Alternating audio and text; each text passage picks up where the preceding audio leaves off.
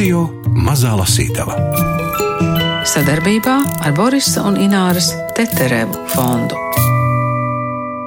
Tas var izklausīties fantastiski, būt neticami, bet tā ir. Atmiņa ir dzīva. Tā vēlme noskaidrot un tomēr uzzināt kaut ko ir ļoti liela un spēcīga. Vēsturniece Inese Dreimane strādā okupācijas muzejā un pēta čekas dokumentus, krimināllietas par arestētajām personām, partijas arhīvu, ja nepieciešams arī citu arhīvu materiālus. Laika posms no 1940. gada līdz 50. gadu vidum. Kamēr daudzi no Ineses Dreimanes gaida monogrāfiju, radās romāns Vēstule ar pielikumu. Kā vēsturniece uzrakstīja romānu, to arī jautāju Inesei Dreimanei. 14. gadā tajā pašā man bija mazliet pa daudz informācijas uzkrājies un izstādēs un pētījumos jāteic, ka ir viss to, kam nākās iziet cauri, faktiski nekad neietilpst. Reizēm tā, lai atrastu vienu personu, var iziet cauri arī 100 un 200 lapusēm, un tad tas viss pārējais jau arī kaut kur paliek. Un vienlaikus es arī diezgan izgāju diezgan tādam sarežģītam dzīves posmam cauri, kurā man vajadzēja rūpēties par savu tēti, kurš bija tobrīd ļoti smagi slims. Un beig beigās es nezinu, kā tas notika, bet novembrī es sāku rakstīt. Man nebija nekāda īpaša doma, kas tas ir, kas tas nav, kas tur sanāks. Nu, tas tā bija. Un līdz janvāra beigām, februāra sākumam, precīzi datumu es nevaru pateikt, jau tur bija tāds pamattekstiņš. Un tad es viņu noliku malā un domāju, nu labi, nu, gadās. Bet tad? Nu, tad pamazām tā puspa jokam es parādīju pazīstamiem dažiem cilvēkiem vienkārši tāpat, un nu, arī bez jebkādām perspektīvām un nākotnes tur ambīcijām. Un beig beigās nu, es saņēmu ieteikumu tomēr vērsties, parādīt to izdevniecībā, tomēr nu, novērtēt profesionāli, bet nu, atkal nu, man visu laiku bija ko darīt. Man bija ko darīt, un es īpaši tā teikt neiespringu tieši uz šo daļu. Un pagājušā gadā tad es gan beidzot arī to izdarīju parādīju šo manuskriptu un izrādījās, ka tas ir drukājams. Bet jūs strādājat ar faktiski bezskaislīgiem dokumentiem. Nu, kā to ņem? Tur ir ļoti brīžiem arī kaislīgi pēdiņās nu, tādi momenti. Tur, piemēram, ir vēstules, kas ir uh, cilvēkiem sūtīti, piemēram, atrast vēstules, kuras cilvēkiem sūtītas, viņu tuvinieki ir sūtījuši. Iespējams, ka cilvēks tika iepazīstināts ar šo vēstuli, bet pēc tam viņam to atsavināja un pievienoja lietas materiāliem Ir gadījumi gluži pretēji, ka cilvēki mēģināja sazināties ar tuviniekiem, bet šīs vēstules viņiem tika konfiscētas vai vienkārši nenosūtīja. Nu, Ir brīžiem, var redzēt, teiksim, papīrā ir um, papīros oglītis caurums, tātad izmeklētājs ir izpīpējis tur caurumu, ir uh, izziņa par personu, kur ir uzrakstīta otrā pusē vācu laika SD veidlapai. Tur ir visnotaļ dažādi tie momenti, un beig beigās redzot rezultātu, kurš gandrīz nekad nav īpaši labs, tātad, nu, redzot, kāda ir sprieduma, kāda ir tālākie likteņi, nu, nevar teikt, ka tas ir absolūti bezskaislīgi. Un tomēr vai grāmata, kura ir, nu, principā tas ir viens sievietes monologs, tā var teikt? Jā. Vai tur ir kādi prototipi? Jā, tur ir prototipi, tur ir diezgan daudz dažādu reālu prototipu, kuri ir, protams, nedaudz sapludināti. Vairāk gan tās ir situācijas, kuras ir notikušas šādā laikā, vēsturiski notikumi. Tur ir daudz vairāk reālā, jo vārdi un uzvārdi šajā gadījumā un personas tas ir veidojušās paralēli tam visam. Jā, bet, protams, jā, tas nav galīgi no gaisa grābts. Bet tā nav, teiksim, vienas sievietes dienas grāmata. Nē, tās ir kā man tas sanāca. Ka no diezgan daudzām epizodēm un dažādiem iespējamiem personāžiem iznāca kaut kas viens. Protams, ir varbūt arī nenoliedzama zināma daļa kā es to redzēju, jo es jau, protams, realitātē nepazinu nevienu no šiem cilvēkiem, un tur nevaru arī reāli pateikt pilnīgi visu, bet, nu, situācijas pārsvarā ir tas galvenais Nu, cilvēki vienmēr ir spējuši mainīties. Arī tagad viņi to dara, un arī vēlāk viņi to darīs. Un ļoti, ļoti jācer, ka nu, tas nekad vairs šādi mainīšanās nebūs jāpieredz. Tas nebūs jādara, teiksim, pie svešām varām. Protams, ka cilvēki mainās, bet atkarībā no, no, no tā, cik viņiem pašiem kaut kāds tas iekšējais kaut ko atļauj, kaut ko neatļauj, tas jau ir tas galvenais. Vispār man riebjas melošana, un es to neatzīstu. Izņemot brīžus, kad no pateiktā atkarīga paša vai tuva cilvēka dzīvība vai veselība. Šis nu, bija tieši tāds brīdis. Kārlis bija nezinu kādā veidā uzzinājis, ka tā valsts drošība iesēdusies agrākajā politiskās pārvaldes mājā. Nē, stābu ielas stūrī viņu pašā sākumā vēl nebija. Es saprotu, ka to var nezināt, jo īstos apgriezienus čeka uzņēma vēlāk. Tiesa arī Kārlis nebija pārliecināts, ka gājiens uz šo iestādi var labi beigties, bet man bija vienalga. Atkal taču kurš tad, ja nē es? Tālāk par priekšstāvu netiku. Varbūt mana labā krievu valoda atstāja iespaidu uz rudmataino zaldātu, jo viņš teica, ka nepieciešams iesniegums, kurā tad arī jāuzraksta lielā vajadzība. Palūdzu papīru, un turpat pie neliela galdiņa uzrakstīja visu, ko gribēja zināt un izdarīt. Lai sniedz ziņas par apcietināto, ļauj mums satikties, kā arī nodot nepieciešamas lietas. Vēl minēja, ka vēlos zināt, vai ir noalgots advokāts un kāds ir viņa vārds adresēja tam Afanasjevam, kurš aresta naktī izskatījās pēc galvenā. Zini, es nesaprotu, no kurienes nāca sajēga, kas šādā iesniegumā rakstāms. To man neviens nebija mācījis. Nedz arī bija kur lasījusi. Pilnīgs idiotisms, kā izrādījās, bija advokāta pieminēšana, bet to es nevarēju zināt. Tolaik man sākās problēmas ar aizmigšanu. Nē, tas nebija bezmiegs, bet vēlme nepārtraukti būt nomodā. Neapzināti gaidīja, ka šis vaiprāts beigsies, un nes kāpēc likās, ka viņš atgriezīsies tieši naktī. Nu, ja pat tumsu aizveda, tāpat arī izlaidīs, lai neviens neredz. Varēja neaizmigt līdz trijiem, četriem, bet nākamajā dienā nespēja pamosties. Jo, kad jau aizmigu, gulēja cieši kā parasti. Laika pa laikam vēl nāca virsū nervu drabuļi. Bija atvasara, taču es staigāju pa māju ziemas jakām un siltām zeķēm kājās. Gulēt gāja kā Nansens Ziemeļpolā, tikai cepures galvā trūka. Brīžos, kad likās, nu pat gaudoši pilnā balsī vai iešķilšu kādam pa zobiem, ķēros pie agates dotajām tabletēm. To uzzinājusi, viņa bija šausmās, jo tās bija spēcīgas zāles. Aizliedz man ņemt vairāk par pusi tabletes. Un arī tad tikai vistrakākajos brīžos. Nē, es negribēju indēties. Taču, kad apziņa drusku aizmiglojās, izdevās arī nedaudz notrulināt sāpes sirdī un dvēselē. Uz brīdi spēju nedomāt par to, kā tik ļoti pietrūkst, un par savu bezspēcību. Tā mani briesmīgi nomāca. Ko tu arī tagad uzskati, ka ieķert pa kraukšķītim tādās reizēs ir veselīgāk? Diez, tavi kolēģi, kuri doktorē nodzērtās aknas, zina, ko tu tautai saki lai nu kā manas bēdas spirtā neslīk. Baumas tomēr izplatījās. Mēneša laikā lielākā daļa viņa draugu un paziņu jau zināja, kas noticis. Pauls pat atnāca pie manis uz darbu un teica, ka vajadzības gadījumā varu ar viņu rēķināties, palīdzēšot kā vien spēšot.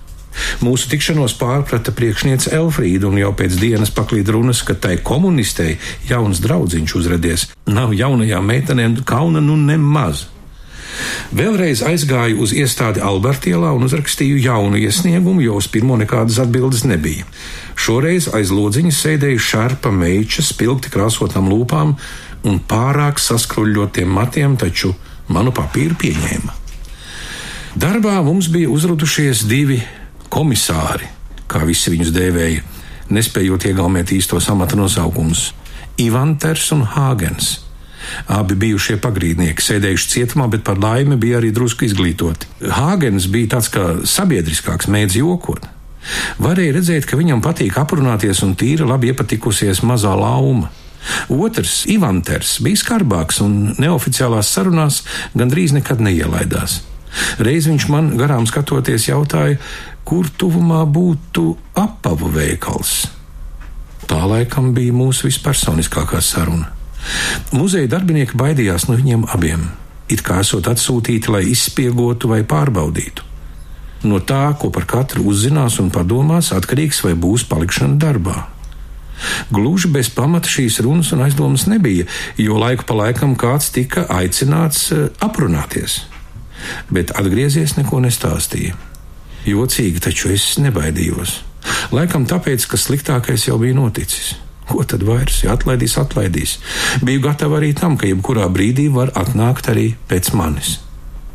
Ines, cik daudz var atklāt par sižetu? Nu, mēs jūtam, ka šeit viena sieviete runā par to, ka viņas puisis, mīļotais cilvēks, ir naktī aizvests, un viņi nezina, kas ar viņu notiek. Un viņi cenšas naivi uzzināt, kas notiek. Ja? Jā, un tas ir tieši tas, ko viņai un daudziem citiem realitātē nācās bieži vien ļoti nesekmīgi darīt, nu, burtiski visu atlikušo mūžu jo čekas darbības pamatā bija slepenība, un tam teicienam, ka bija cilvēks un vairs nav, kā gāja, tā aizgāja, pazuda, tā diemžēl bija realitāte. Precīzu informāciju par to, kas kur notiek, faktiski nekad nesniedz.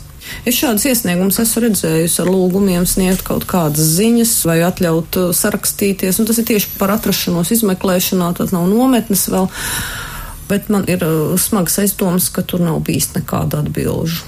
Un cilvēki viņiem neziņoja, ja viņi nāca meklēt, viņiem varēja pateikt, ka šeit tāda nav, nav reģistrēts, kur ir, nu to mēs nezinām, kur viņš ir, nu nav. Kas jums teica, ka pie mums? Ja? Un arī pēc tam, vēlāk, taču karam sākoties, tie, kas ir notiesāti vai izmeklēšanā, tika etapēti uz Padomju Savienību, un pēc tam fronte ir starpā, jau nekāda informācija nav iespējams iegūt, kur, kurā vietā, kādās nometnēs klāt tikt nevar. Un pēc kara viss turpinājās tieši tāpat. Labi, varbūt pēc kara bija nedaudz, brīžiem bija vienkāršāk, jo tomēr, nu, pēc Staļina nāvis, ja tik ilgi nodzīvoja, ja tik ilgi bija iespējams izdzīvot lāģerī, tad jau pēc tam varēja sākt kaut kādas ziņas sniegt, un tad tomēr pastāvēja kaut vai tas princips, ka var sarakstīties divreiz, divreiz gadā, jā, īpaši stingrā režīma nometnēs. Un tad bija mazliet nu, vairāk tās iespējas, bet vienalga tās bija diezgan nu, ierobežotas un izplūdušas. Un, piemēram, par nāves sodiem un to izpildēm ziņas nesniedza. Tas nebija tikai Krievijā, ne tikai Padomju Savienībā šis desmit gadi bez tiesībām sarakstīties kā eifēmisks apzīmējums piespriestiem nāves sodam. Arī Latvijā tas tāpat bija. Un tas īpaši attiecās tieši uz cilvēkiem, kurus apcietināja un kam piespried nāves sodu 40. un 41. gadā. Es arī tādus tiešām dokumentus esmu redzējusi, ka ir paziņojiet, ka joprojām izcieš sodu, rakstīt nevar, sēdiet, gaidiet, vai arī vēl arī te fakts, ka cilvēks tiek, teiksim, tiesāts un nošauts Krievijā nometnēs, tad tās atbildes bieži vien ir arī paziņot, ka miris no kaut kādas nebūtu slimības traumas vai kaut kā tam līdzīga. Un tas viss arī ir atstājis tādu iespaidu uz cilvēkiem un uz domāšanu, jo ļoti daudzi jau arī nenodzīvoja. Daudzi nesagaidīja to brīdi, kad šie dokumenti kļūs pieejami, kad atvērsies arhīvi, kad mēs atgūsim no Krievijas šos papīrus un ka beidzot tas būs izdarāms, un līdz ar to pašu tās nostāsti un leģendas un neziņa, un līdz ar to pašu vēlme kaut ko noskaidrot, kam virsū ir uzslāņojumi no tā, kas ir lasīts un dzirdēts no analoģijām. Tā arī ir daļa no darba ikdienas, jo tie var ticēt vai neticēt, bet joprojām cilvēki meklē savus 40. un 41. gadā pazudušos, arestētos, no mājas izgāja un atpakaļ vairs neatnākušos tuviniekus, Tas var izklausīties fantastiski un varbūt neticami, bet tā ir un atmiņa ir dzīva tā vēlme noskaidrot un tomēr uzzināt kaut ko ir ļoti liela un spēcīga. Un īpaši labi tas ir tad, ja nu, izdodas arī palīdzēt un cilvēkiem norādīt, kur viņiem tos dokumentus meklēt vai paskaidrot, kas varētu būt, kas varētu nebūt noticis. Ir gadījumi, kuros es arī neko daudz nevaru vēl pateikt, jo manā rīcībā arī nav pilnīgi visi ideālie papīri. Un, ja teiksim, runa par kara sākumu, tad ir ļoti grūti pateikt, jo kara sākumā bija iespējas arī vienkārši iet bojā kādā nebūtu nejauša apšaudē vai uzlidojumā un pēc tam vai vēl kaut ko, nu, visādi varēja būt. Un tāpat arī uzreiz pēc kara 44. gadā cilvēki pazuda bez vēsts. Un arī nav skaidrs, jo par viņiem nav noformēta nekāda dokumenta, kur un kad viņi ir bez tiesas nošauti. Tātad, nu, ja nav ne filtrācijas, ne izmeklēšanas lietas, tad cilvēks nav ticis līdz oficiālajai iestādē nemaz nogādāts, un dokumenti par viņu nekādu nav noformēti. Un un tam līdzīgi. Jūs teicāt, ka jūsu rīcībā vēl nav visu dokumentu, vai ir vēl jāgaida kaut kāda arhīva atvēršana, vai tas ir vēl iespējams? Nu, principā Latvijas materiāls vairāk vai mazāk, viņš vienkārši ļoti liels un paiet laiks, kamēr kaut kam izurbjās cauri. Vienkārši ir daudz dokumentācijas, kur Latvijā vien neatrodās, kur ir Krievijas arhīvos, un tai mēs netiekam klāt mierīgā veidā. Jā, bija vēls rudenis kad Kārlis zvanīja un uzaicināja atnākt pie viņa uz darbu. Tikus vaļā no sava, tā arī izdarīju. Viņa sejas izteiksme neko labu nevēstīja. Uz galda bija mape ar krievu uzrakstiem. Nu, pamēģini neģīpt, viņš teica. Šāds ievads uzzina drabuļus. Apsēdos, domās pārkrustījos un tad vēru vaļā. Tur bija vesels birums dažāda lieluma papīra lapu, gan rokrakstos, gan uz mašīnas drukātu, pārsvarā krieviski, taču bija arī latviešu valodā. Svotka, atčot, apliecinājums, sprafka, zievļieņie. Jautājoši paskatījos uz Kārli, taču neko pateikt nepagūvu. Lasi, viņš aizsmukušā balsī izgrūda. Jums ir staigājuši pa pēdām vismaz mēnesi. Man sāka džingstēt galvā, kļuva karsti un kakls žņaudzās ciet bet vienlaikus bija skaidrs, tas ir kaut kas nopietns un vājumi jāatliek uz vēlāku laiku. Lasīju ilgi un pamatīgi. Dažus papīrus pat vairākas reizes, līdz pilnībā sapratu to saturu. Zināt valodu ir viena lieta, bet saprast vārdu un terminu nozīmi pavisam cita. Mūsu dzīvoklis tika novērots kopš jūlija vidus. Kāds, kurš parakstījās kā istočņika valde, šķiet bija stāvējis vai sēdējis ielas malā pretējā mājā vai kokā, jo kā gan citādi būtu iespējams norādot precīzu laiku pateikt, kad kāds nācis, cikos atgriezies un kas rokās turēts. Savukārt istočņika Rumjānija vismaz trīs reizes sakojis un pierakstījis vietas, namus, satikto cilvēku pazīmes lasot par neliela auguma melnīgsnēju vīrieti melniem, nedaudz iesirmiem matiem, un vidēja auguma sievieti tumši kastaņbrūniem matiem, kas ģērbusies pēc ārzemju modes, sapratu, ka novērota mana drauga atvadīšanās no bijušā darba biedra un viņa sirdsdāmas. Tuvakar biju spiesta sēdēt kārtējā aģitācijas sapulcē darbā, tādēļ no manis abi aizbraucēji saņēma tikai sveicienus. Biju noskumusi, ka neizdevās vēlreiz satikties, jo Viņi bija jauki, kaut nedaudz dīvaini un dienvidnieciski traki cilvēki. Tagad nu bija jādomā, varbūt tas bezjēdzīgais mītiņš mani paglāba. Lai gan pavisam jau novārtā atstāta nebija, dažas lapas puses tālāk bija teikts, ka objekta dzīves vietā uzturas vidēja auguma sieviete, gaiši brūniem matiem, 20 līdz 25 gadus veca, atstāja māju no rītiem pēc pulksten astoņiem, atgriežas vakaros nereti kopā ar novērojamo objektu. Noskaidrot personību pagaidām nav izdevies, taču ievadīta izziņa. Te nu man parāba uz augšu, bet noturējos. Kārlis ieteica uz brīdi atlikt lasīšanu malā. Viņš gribēja zināt, vai kāds no aģentu vai ziņojumus pieņēmušo čekistu vārdiem man ir pazīstams. Diemžēl nebija. Turklāt te minēts tikai iesaukas. Kā var zināt, kas aiz tām slēpjas? Vili mēs atmetām, tobrīd viņš vēl nebija savārvēts, taču saprast neko nebija iespējams. Valda Tas ir saīsinājums, atvasinājums vai tulkojums, un vispār vīrietis vai sieviete. Nevienu sārta vaidzi, nu, rumjāniju es arī nespēju iedomāties. Sveši cilvēki mājas tūmā. Piedošanu galvaspilsētā lielākā daļa uz ielas redzamo ļaužu būs nepazīstami un agrāk nemanīti. Šoks laikam bija tik pamatīgs, ka pat nenāca virsū raudāšana vai sašutums par visu šo okšķerēšanos. Elpa gan ķērās un rokas trīcēja. Atcerējos to mīklaino tālruņa zvanu neilgi pirms aresta. Nu varēja izlasīt atčotu par to, ka telefoniski pārbaudīts, vai objekts tiešām dzīvo pēc attiecīgās adreses.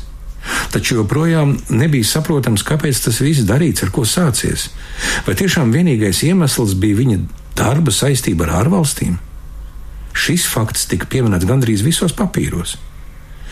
Es pat nepamanīju, ka Kārlis ir izgājis no kabineta un attapos, kad viņš atgriezās kopā ar jau pazīstamo Steinbergu. Viņam līdzi arī bija kaut kādi papīri. Prāts pagura. Vai tad tas vēl nav viss? Nebija. Tikai tagad nāca pats svarīgākais.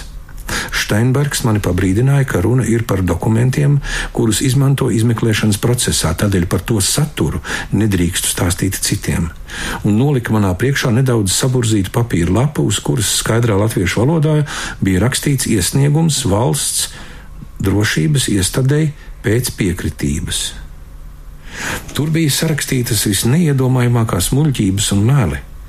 Ir jābūt nenormālam, lai kaut ko tādu izdomātu vai kam tādam noticētu dzelzceļa kustības novērošana, militāro būvju plānu pārzīmēšana un tiltu fotografēšana, slepenu ziņu nodošana šķiet visu iespējamo valstu izlūkdienestiem.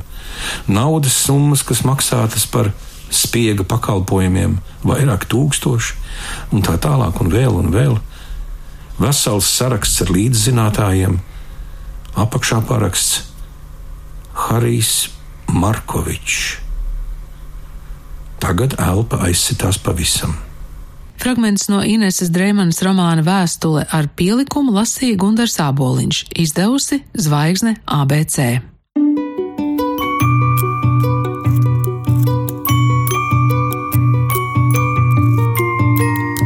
Radio Mazā Lasītava sadarbībā ar Borisa un Ināras Teterevu fondu.